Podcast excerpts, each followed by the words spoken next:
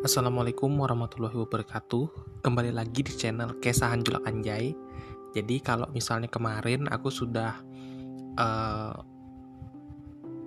Memberikan dua episode Yaitu senioritas yang part 1 dan senioritas part 2 Untuk yang sekarang aku bakal menceritakan sedikit tentang pengalamanku ikut pramuka. Sewaktu SMA jadi pada saat aku mengikuti kegiatan kepramukaan di SMA, di kala itu aku mulai merasa bahwa uh, aku tidak bisa apa-apa di, di di di latihan pramuka karena uh, sebelumnya aku waktu SMP itu nggak terlalu lama ya ikut uh, aktif di pramuka. Cuma beberapa bulan habis itu aku sudah nggak nggak nggak menyelesaikan lagi sampai dengan uh, penggalang terap gitu ya. Cuma sampai penggalang ramu aja pada saat itu udah aku nggak mau lagi ikut. Ada sesuatu dan lain hal dan alasannya tidak bisa aku jelaskan di sini dikarenakan itu sangat uh, privasi sekali. Pada saat aku mau masuk ke SMA aku dan ternyata uh, itu sudah diterapkan kurikulum 2013 di mana di dalam kurikulum 2013 itu tercantum peraturan Menteri Pendidikan dan Kebudayaan nomor berapa itu aku lupa. Pokoknya nomor sekian tahun 2013 tentang pendidikan berkarakter. Dan di situ dituangkan bahwa pendidikan kepramukaan itu diwajibkan untuk seluruh sekolah yang ada di Indonesia. Nah, termasuk SMA aku pada saat itu karena statusnya SMA negeri. Singkat cerita, pada saat aku masuk 2014, itu sudah dalam keadaan satu tahun semenjak pendidikan kepramukaan diwajibkan di sekolahku. Dan semenjak itu, mau tidak mau, suka tidak suka, yang dulunya aktif di pramuka dan yang dulunya tidak pernah aktif sama sekali di pramuka harus ikut pramuka. Ya, mau apa pun, mau anda punya ilmu sehebat apa pun dan Anda tidak paham satupun tentang ilmu pramuka, Anda harus ikut pramuka. Jadi, uh, pada saat itu aku merasa bahwa ilmu-ilmu yang sudah kudapatkan dulu sewaktu SMP itu banyak lupa gitu ya banyak yang hilang. Dikarenakan sudah beberapa tahun nggak ikut pramuka gitu ya. Pada saat mengikuti kegiatan kepramukaan pertama kali pertama kali latihan itu aku ternyata baru tahu kalau ternyata kalau ternyata yang mengajar mengajarin kami waktu SMA, waktu pramuka itu bukan cuma kakak kelas, tapi juga ada kakak-kakak alumni yang sekiranya uh, mereka dulu pernah aktif pramuka di SMA aku dulu. Dan kesanku pada mereka pada saat itu memang takut, gitu ya. Kenapa takut? Karena pra, uh, pembawaan mereka yang uh, serius gitu ya, dan juga mohon maaf tuh agak-agak mengintimidasi. Lambat laun mereka mengajar ke pramukaan, aku merasa bahwa sebenarnya banyak dari pengajaran mereka yang sebenarnya useless gitu ya yang yang sebenarnya tidak berguna dan tidak efektif. Kenapa? Karena pengajaran mereka itu tidak jelas, tidak berkala. tidak ada uh, rancangan atau tidak ada rencana atau program yang mereka susun untuk apa yang mau mereka ajarin, apa yang mau mereka berikan, apa yang mereka ingin sampaikan pada saat per tiap minggunya. Jadi uh, kita itu per per minggu itu sebenarnya kita juga bingung. Bukan cuma kita yang bingung selaku peserta didik gitu ya, tapi juga kakak-kakak kelas dan kakak-kakak pembina yang juga bingung mau ngapain minggu ini. Gitu akhirnya eh udah PBB gitu kan jadi sebenarnya andalan di SMA aku tuh dulu uh, ikut pramuka apa uh, kegiatan pramukanya itu ya PBB setiap minggu PBB setiap minggu PBB entah PBB biasa atau PBB tongkat atau PBB isyarat dan PBB PBB selanjutnya lah PBB PBB lainnya itu jadi mereka mencekoki itu gitu ya dengan uh, mohon maaf nih dengan kekerasan verbal gitu ya kalau misal kalau nggak tahu kekerasan verbal silahkan dengerin podcast podcast sebelumnya Jadi mereka memberikan uh, kekerasan verbal kepada kami gitu ya. Pada saat itu ya memang kami tidak terlalu paham tentang PBB. Hanya sebagian orang yang ikut ekskul paskas pada saat itu yang berbau paskip. Mereka paham tentang PBB. Sedangkan yang lainnya yang tidak ikut kegiatan ekskul paskas, yang jelas kan PBB-nya ancur-ancuran. Yang jelas PBB-nya tidak jelas dan itu menjadi lahan mereka, menjadi momentum mereka untuk uh, memberikan kekerasan verbal itu. Nah, pada saat uh, kegiatan yang besar, kegiatan besar itu di sini seperti kemah ataupun penjelajahan, mereka pasti menyelipkan kegiatan yang mohon maaf gitu seperti juritan malam gitu ya. Padahal sebenarnya aku baru nyadar juga gitu ternyata juritan malam itu tidak ada esensinya di dalam ADART gerakan pramuka. Itu hanya sekedar uh, budaya saja atau misalnya adat lah yang sudah pernah mereka lakukan dulu. Nah, mereka melakukan juritan malam, kami disuruh jalan gitu ya, entah itu naik nanti naik gunung tengah-tengah malam, jalan di tengah-tengah hutan, terus juga jalan di di jalanan yang sepi karena di apa disuruh jalannya tuh lewat dari jam 1 atau jam 2 pagi gitu. Jadi mereka juga apa nyuruh kami jalan uh, per sangga atau pergu gitu. Satu berbanjar, dan pada saat kami jalan itu kami disuruh datang ke pos-pos gitu ya posnya bebas lah entah dari pos 1 sampai pos 5 atau pos 1 sampai pos 4 dan sebagainya gitu. Jadi dari pos 1, pos 2, pos 3, pos 4 gitu. Dan yang terakhir biasanya di pos yang terakhir itu biasanya itu lahan mereka untuk uh, melakukan tindakan kekerasan-kekerasan baik itu fisik yang tidak langsung dan yang verbal gitu. Jadi uh, pada saat itu yang mereka lakukan adalah membentak gitu ya, membentak terus juga berteriak yang sebenarnya itu menghabiskan waktu dan tenaga mereka. Tuh. Tujuan mereka melakukan itu ya saya juga tidak tahu. Uh, goals yang mereka inginkan ya aku juga nggak ngerti walaupun aku sudah pernah melakukan itu gitu apa yang mereka dapatkan itu sebenarnya ya tidak tahu juga apa gitu dan dan dan dari juritan malam itu yang menyebabkan sebagian teman-teman aku yang sekiranya tidak pernah ikut pramuka gitu jadi merasa bahwa oh iya ternyata aku ndak ikut pramuka itu punya alasan. Ternyata alasannya uh, karena diberikan kekerasan dan sebagainya. Dan lain-lain lah. Nah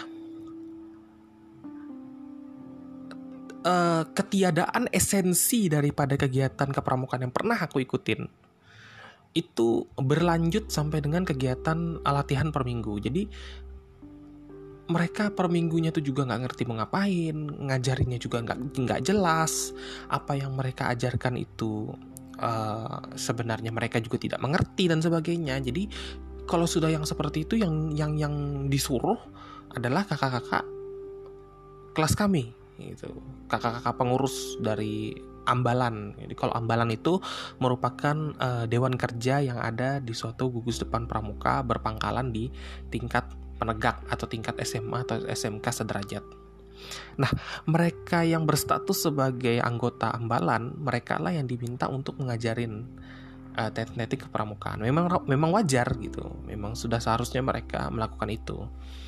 Tapi tiada salahnya jika kakak-kakak pembina yang selalu memberikan kekerasan verbal untuk memberikan hasil daripada isi otak mereka gitu. Karena walau bagaimanapun juga mereka dijadikan panutan. Tapi apa yang aku dapatkan itu sebenarnya dari 100% gitu ya. Yang cuma aku dapatkan dari mereka itu cuma sekitar 10 sampai dengan 20% gitu ya. Nggak ada nggak ada yang sekiranya bisa meyakinkan aku sampai 80 atau 90% aku mendapatkan ilmu dari mereka tuh nggak.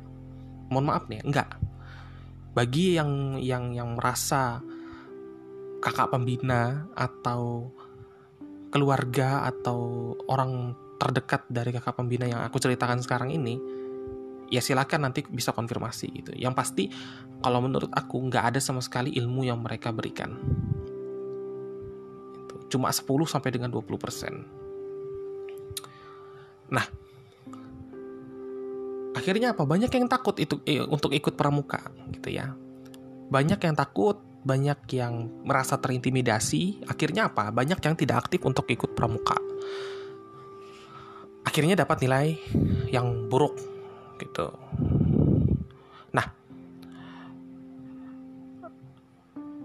bukan tanpa sebab mereka tidak mau ikut pramuka tapi dikarenakan sikap daripada kakak kelas dan juga kakak pembina yang tidak sesuai dengan harapan mereka.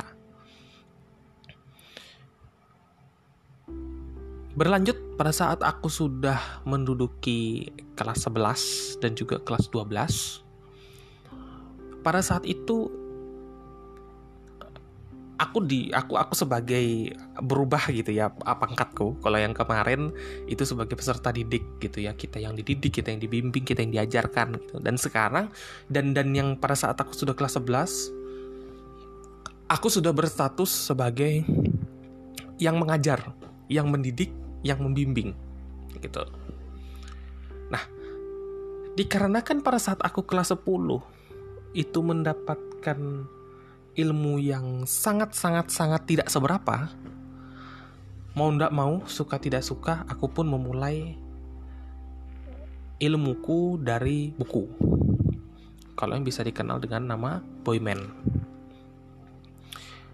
Di buku Boyman yang aku pelajari itu insya Allah itu ya lumayan lengkap gitu ya. Ilmu-ilmu pramuka semua dituangkan di situ.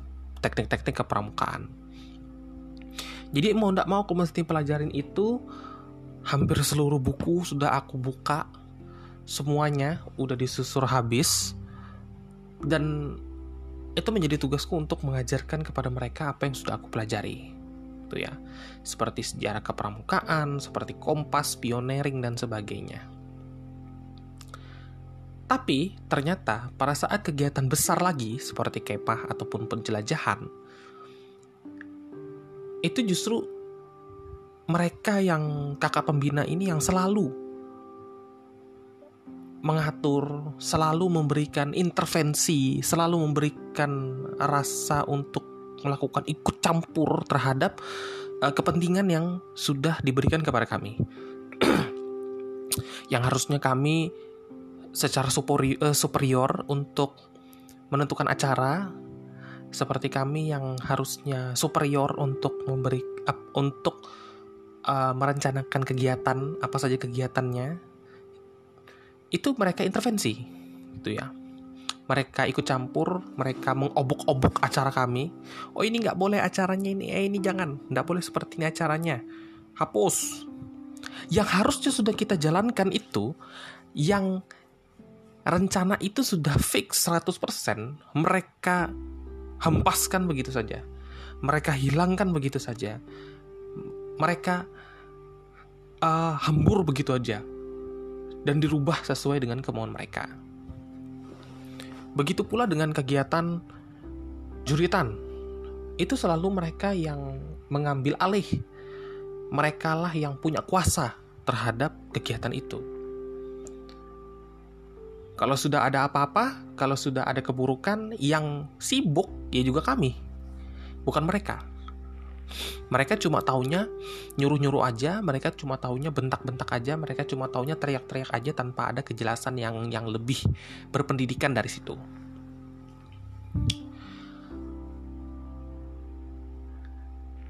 Nah, apa yang sudah aku jalani itu tidak terl tidak terlepas dari apa yang sudah pernah aku alami pada saat aku masih kelas 10. Itu ya mereka melakukan tindakan kekerasan fisik dan verbal. Akhirnya, aku ulangi lagi itu, dikarenakan aku tidak bisa membalas itu ke mereka. Aku balas itu ke adik-adik kelasku. Aku balas mereka, aku suruh push up mereka, aku bentak-bentak mereka, aku teriakin mereka. tanpa memikirkan ya sebenarnya aku aku lakukan ini apa esensinya tuh apa gitu ya efektifnya itu apa goalsnya tuh dari mana? Feedbacknya apa? Ternyata feedbacknya bukan positif tapi negatif mayoritasnya. Gitu. Jadi yang aku dapatkan bukan sesuatu hal yang positif tetapi negatif. Gitu ya banyak keluhan. Kakak ini jahat kakak ini kebanyakan omong dan sebagainya. Itu yang pernah aku dapatkan dulu. Dan banyak uh, adik-adik kelasku yang sekiranya tidak suka dengan aku karena uh, dari kegiatan pramuka itu nah mungkin pendengar kira aku pada saat kelas 11 menjadi kakak kelas artinya punya kekuatan dan kekuasaan untuk mengatur kegiatan kepramukaan tidak seperti itu Justru kami kekuasaan dan kekuatan kami hilang dikarenakan mereka. Tuh ya. Salah sedikit kinerja panitia dikumpulkan, dipermalukan, disiksa, dibentak, diteriakin. Pokoknya mau mereka, itu kegiatan kita harus sempurna. Salah sedikit dikasih hukuman. Gitu ya. Nah ini yang nggak benar. Artinya apa uh, hasil kinerja kami itu tidak dianggap oleh mereka. Di mata mereka kinerja kami payah. Di mata mereka kinerja kami merosot. Di mata mereka kinerja kami salah, salah, salah dan tidak ada yang benar.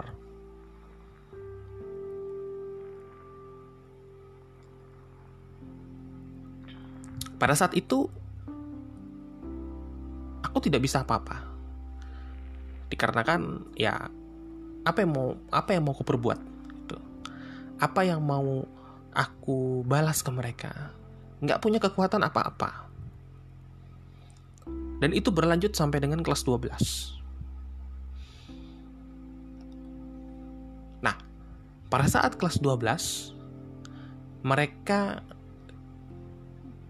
uh, tidak memberikan hal-hal yang buruk itu kepada kami karena sudah kelas 12. Bahkan aku pribadi pun merasa bahwa apa yang mereka lakukan dulu itu tidak sekejam pada saat aku sudah kelas 12.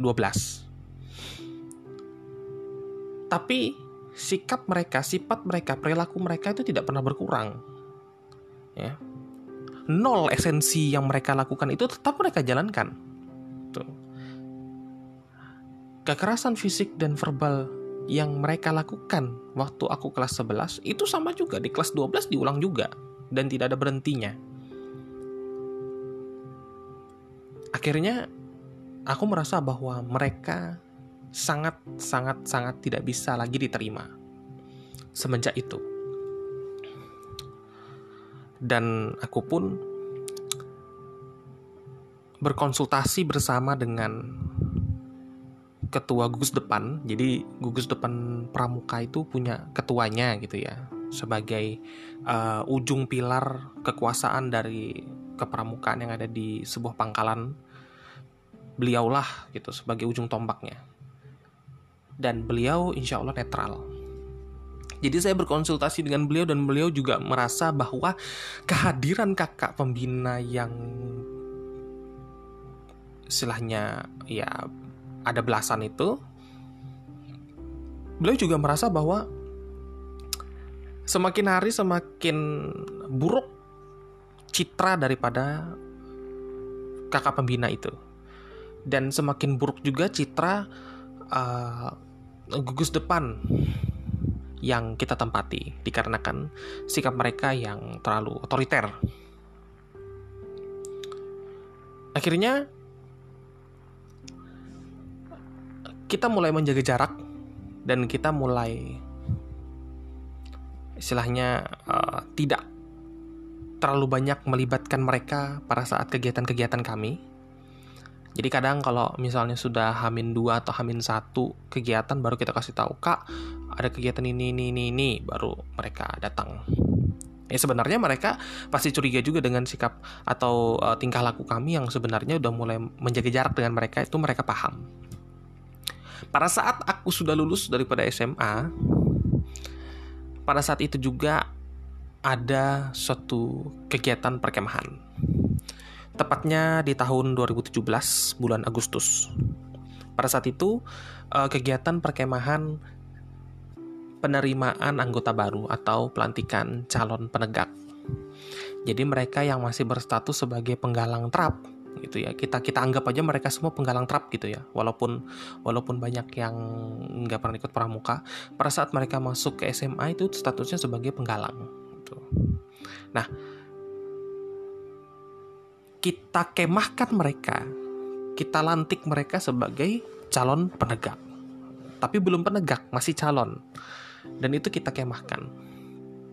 Nah pada saat itu panitia kegiatan panitia pelaksananya itu kelas 12. Kami sudah lulus gitu ya, baru lulus lah istilahnya.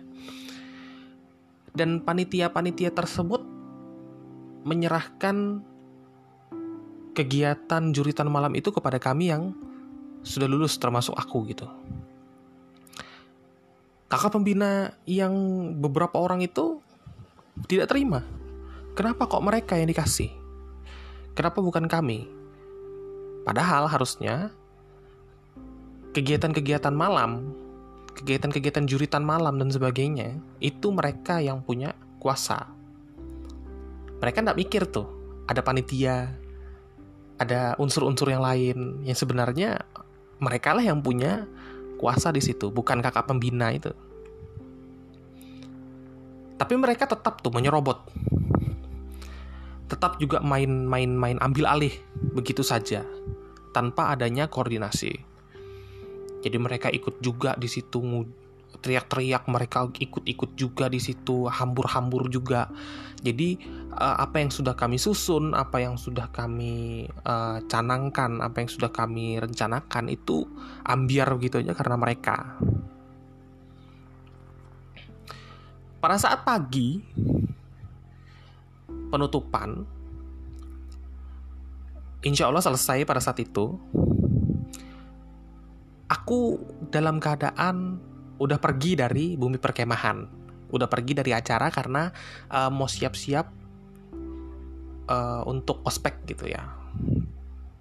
Jadi aku pulang duluan nggak ikut acara yang terakhir. Karena pada saat itu persiapan buat buat untuk apa uh, di kelompok kelompok ospek gitu ya jadi uh, tidak bisa ikut sampai dengan habis. Ternyata uh, kegiatan setelah upacara penutupan itu masih ada lagi kegiatan, yaitu halang rintang. Halang rintang itu kayak masuk ke dalam paret yang berlumpur, terus juga merayap, kena air dan sebagainya. Dan itu mayoritas dilakukan oleh kakak-kakak pembina yang belasan itu. Dan aku nggak tahu. Dan aku nggak tahu cerita tidak paham dengan uh, alur rencananya. Aku nggak mengerti karena tidak ada yang berbicara tentang halang rintang itu. Aku cuma diam. Nggak nggak mengerti tentang uh, hal yang seperti itu akhirnya beberapa hari kemudian ada yang mengeluhkan dengan aku gitu ya. Eh kamu kok punya acara kok kayak gitu sih? Ini anakku ini sudah dari ujung kepala sampai dengan ujung kaki itu kotor kena lumpur. Susah betul aku nih nyuci baju sama celananya. Ini kata orang tua si siswa ini nih ngeluh dengan aku. Aku juga nggak ngerti apa sih? Emang ngapain waktu itu? Loh kamu nggak ada? Kalau nggak ada bu aku pada saat itu sudah nggak ada lagi di buper dan aku juga nggak tahu ada kegiatan itu ada beberapa orang tua siswa yang mengeluhkan itu dengan aku dan marah-marah karena uh, mereka taunya aku punya acara. Padahal sebenarnya aku nggak ngerti apa-apa gitu. Dan pada saat itu mulailah kami merasa bahwa mereka ini yang berstatus sebagai kakak pembina ini yang harus disingkirkan mohon maaf nih kata-katanya disingkirkan memang harus disingkirkan karena pemahaman-pemahaman mereka yang sebenarnya tidak boleh lagi diterapkan di generasi milenial sekarang akhirnya kami punya rencana untuk mendiamkan mereka menjaga jarak dengan mereka yang lebih ekstrim. Kalau sebelumnya itu jaga jaraknya itu masih sungkan-sungkan. Kalau yang rencananya ini benar-benar kita tidak ada interaksi secara langsung terhadap mereka.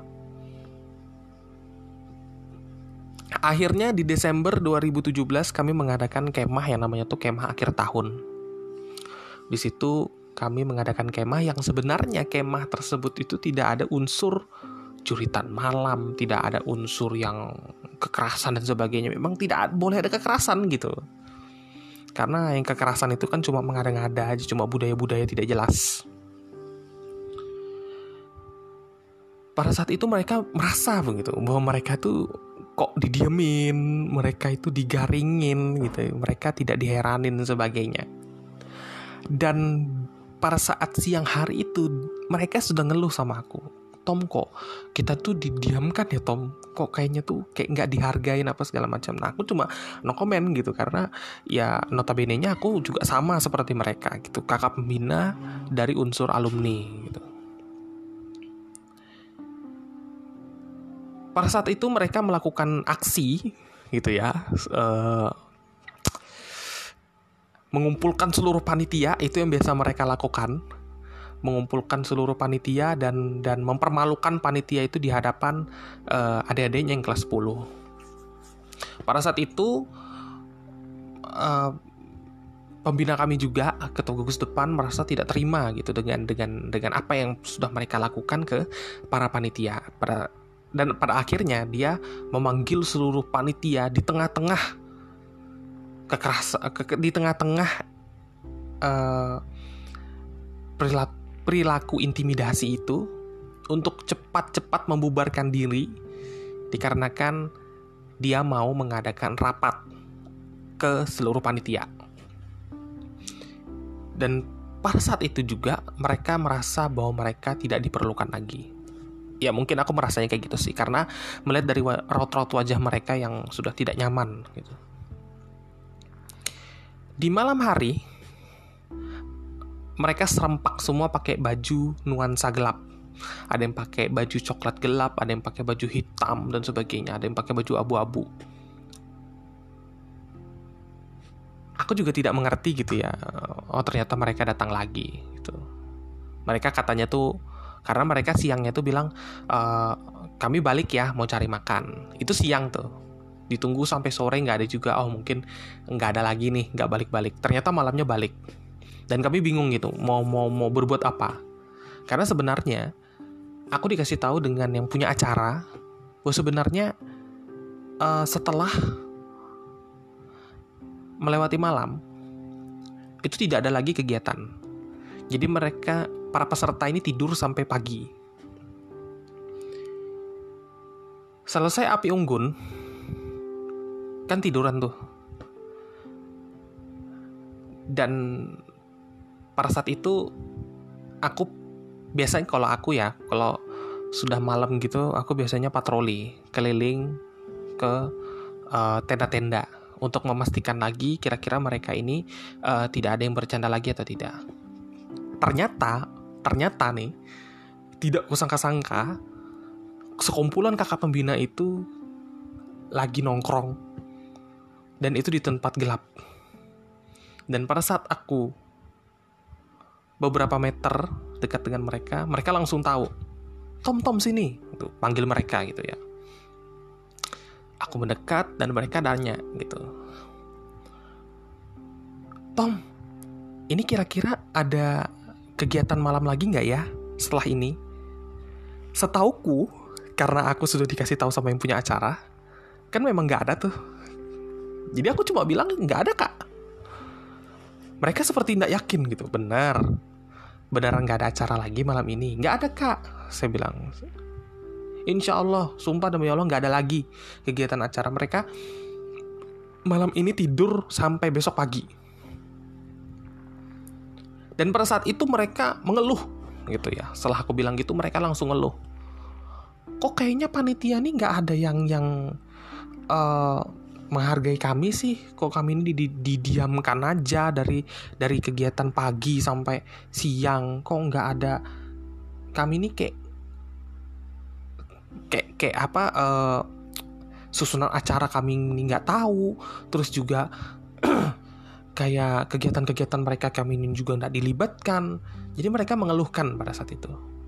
Dan ada salah satu kakak pembina yang langsung berinisiatif mau memanggil lagi seluruh panitia Dikala panitia ini lagi istirahat, dikala panitia ini lagi mempersiapkan apa yang mau mereka lakukan setelah api unggun dan untuk besok hari, itu pengen lagi diobok-obok sama kakak-kakak pembina yang sebenarnya tidak punya esensi terlalu banyak di kegiatan. Pada saat itu dia bilang, udah kumpulin seluruh panitia yang ada di sini. Saya cuma bilang, jangan kak. Kalau yang kalau mau yang dikumpulin itu koornya aja. Yang inti-intinya aja yang penting-pentingnya aja dalam suatu kepanitiaan. Eh sudah. Sebentar ku panggil. Saya cuma bilang jangan kak. Nanti biar saya aja yang panggil. Pada saat itu aku panggil seluruh panitia yang penting-pentingnya yang inti-intinya untuk berkumpul di tengah lapangan karena pada saat itu bopernya di tengah lapangan gitu ya. Pada saat itu dari ketua, koordinator lapangan, koordinator acara, kegiatan dan sebagainya berkumpul. Dan di situ mereka memberikan keluhan. Memberikan keluhan, memberikan uh, apa yang mereka pan, eh, apa yang mereka anggap mereka tidak suka gitu ya dan pada saat itu aku berusaha untuk netral. Gitu ya. Walau bagaimanapun juga mereka yang kakak-kakak pembina ini jujur aja aku akrab banget sama mereka. Karena ada beberapa kegiatan yang di luar pramuka yang sekiranya aku akrab sama mereka. Sering berinteraksi dengan mereka di luar kegiatan pramuka. Di situ aku merasa bahwa sebenarnya panitia ini terlalu takut aku merasa bahwa panitia ini juga sebenarnya harus bisa lebih dewasa lagi dalam bertindak gitu. Dan aku juga merasa begitu karena pada saat aku masuk harusnya kita sebagai alumni ini dijaga untuk tidak melakukan hal-hal yang tidak sesuai dengan mereka harapkan. Harusnya mereka kasih susunan acara dengan kami pada saat itu dan aku memang sebagian menyalahkan panitia juga. Kenapa tidak melakukan itu? Tapi apa yang dilakukan oleh teman-teman panitia itu tetap kudukung bahwa mereka yang kakak pembina yang sudah tidak memiliki esensi ini lagi seharusnya tidak perlu lagi berada di kegiatan di kegiatan. Itu ya. Serahkan semuanya ke panitia. Dan mereka merasa bahwa mereka tidak dihargai, mereka mengeluh apa segala macam, semua sudah. Dan ujung-ujungnya ya mereka juga uh, iri dengan kami. Kami ini kami ini maksudnya adalah aku dengan teman-temanku yang sebenarnya juga alumni yang pada saat itu juga hadir. Jadi alumni ini ada dua ada ada dua golongan ada yang alumni baru lulus dan ada yang alumni sudah lama lulusnya dan dan mereka yang lama yang sudah lama lulus ini itu iri sama kami yang baru lulus karena kebanyakan kegiatan malam itu diserahkan ke kami dan pada saat itu dia cuma bisa bilang mereka itu ya e, kalau kami pulang malam ini kalau kami tidak diikutkan lagi dengan kegiatan ini, berarti alumni-alumni yang baru lulus ini juga nggak boleh ada di sini. Apa maksud mereka? Sekali lagi yang aku aku ingin tanya sama mereka tuh, esensi kalian tuh apa? Seberapa penting kamu-kamu itu ada di sini? Seberapa hebatnya kamu bisa mengatur kegiatan pramuka? Aku pengen banget nanya kayak gitu, cuman apa ya? Aku merasa bahwa aku tidak punya kekuatan apa-apa gitu karena mereka semua mohon maaf mereka semua tuh punya aura mengintimidasi walaupun yang perempuan juga sama akhirnya ada salah satu kakak pembina yang yang aneh gitu bertanya Tom menurutmu tuh kami ini apa sih di sini kami ini sebagai tamu tamu biasa tuh sebagai tamu pembina Nah aku nih bingung. Gitu ya. Ada katamu pembina? Itu yang yang aku tuh pengen ngakak, pengen ngakak di situ tuh. Apa sih? Tamu pembina tuh apa sih? Gitu. Kalau tamu ya tamu. Artinya kamu tamu berada di dalam suatu kegiatan. Tugasmu adalah diam memper, memperhatikan dan menyaksikan kegiatan. Terus kamu tahu acaranya sudah yang mengatur seluruh kegiatan adalah panitia. Tidak ada tamu pembina. Pembina ya pembina, tamu ya tamu, nggak bisa di, di satu padukan gitu dalam satu kepanitiaan. Karena tamu itu esensinya bukan panitia. Kalau pembina masih masuk dalam kepanitiaan. Dan pada saat itu bodohnya aku, aku cuma bilang, ya kakak itu adalah uh, tamu pembina. Dan aku juga nggak ngerti kenapa aku bisa ngomong kayak gitu. Alasannya juga aku nggak tahu karena pada saat itu gugup gitu ya takut juga tapi pada saat itu mereka langsung bilang oh sudah kita kita pulang aja. Kalau kita tidak dihargai juga kita tidak dianggap juga kita pulang aja. Dan pada saat itu mereka pergi gitu ya. Bahkan kita pun tidak mengusir gitu. Panitia dan segala macam unsur unsur kepanitiaan yang ada pada saat kegiatan itu juga tidak mengusir mereka. Karena kita juga tidak mengucapkan satu kalimat kak kalian tuh pulang aja. Kita nggak ada bilang gitu. Mereka sendiri yang bilang oh, sudah kita pulang aja daripada kita nak dihargai. Jadi yang mengusir itu bukan kami. Yang mengusir bukan panitia, tapi yang mengusir adalah mereka sendiri. Itu. Itu akhir dari dari cerita itulah.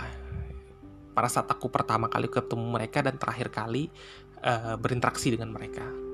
Setelah itu setelah Desember 2017 sampai dengan sekarang Maret 2020 benar-benar kami nggak ada interaksi lagi sama mereka dan aku juga juga berpikir ada pentingnya juga kak uh, berinteraksi sama mereka kan nggak ada jadi kalau aku cuma berpandangan sama mereka ya mereka benar-benar nggak punya esensinya ya nggak punya mereka tidak punya kepentingan yang lebih sekedar untuk memberikan siksaan baik itu fisik ataupun verbal.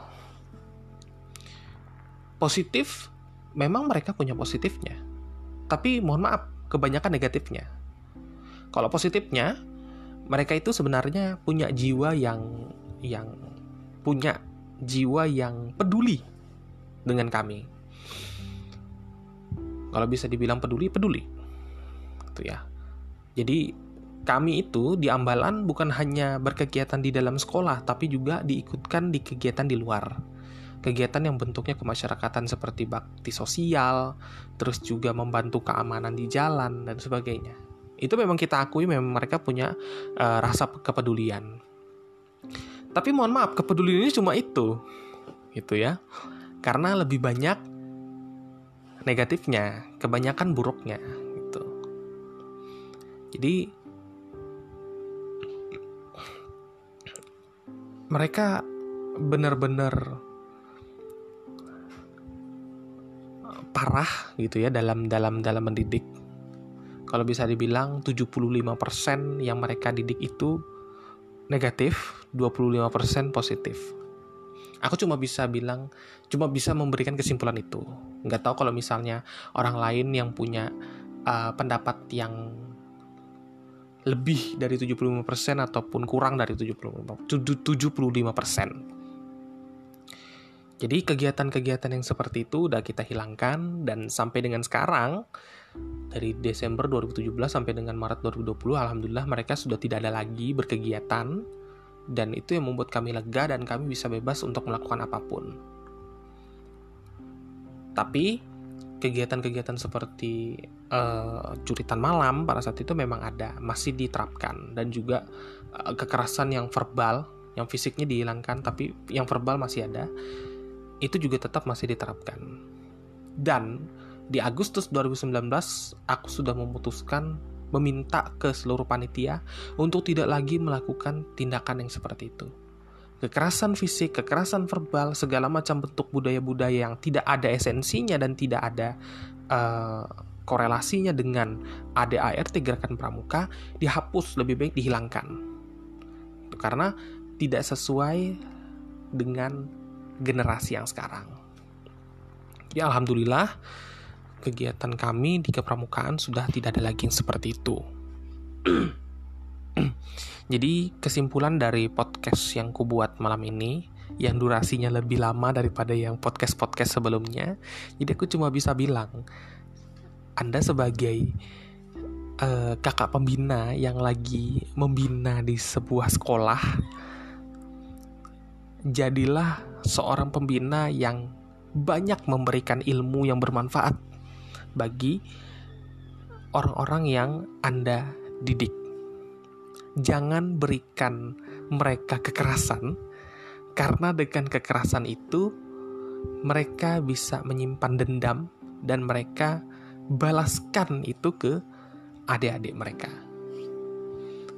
Nah, bagi Anda yang sekiranya sekarang lagi dididik dengan kakak pembina yang seperti tadi aku ceritain, tolong untuk bisa menyikapi mereka dengan bijak.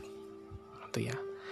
Anggapannya Anda yang lebih waras, yang lebih bisa berpikir jernih lah daripada mereka yang mohon maaf gitu, yang agak kurang waras lah istilahnya. Itu saja uh, podcastku malam ini episode 3. Harapannya teman-teman semua bisa berpikir lebih jernih, berpikir lebih bijak dengan podcast yang aku buat jangan kedepankan emosi Anda, tapi kedepankanlah literasi Anda lebih baik. Itu ya. Itu saja. Wassalamualaikum warahmatullahi wabarakatuh.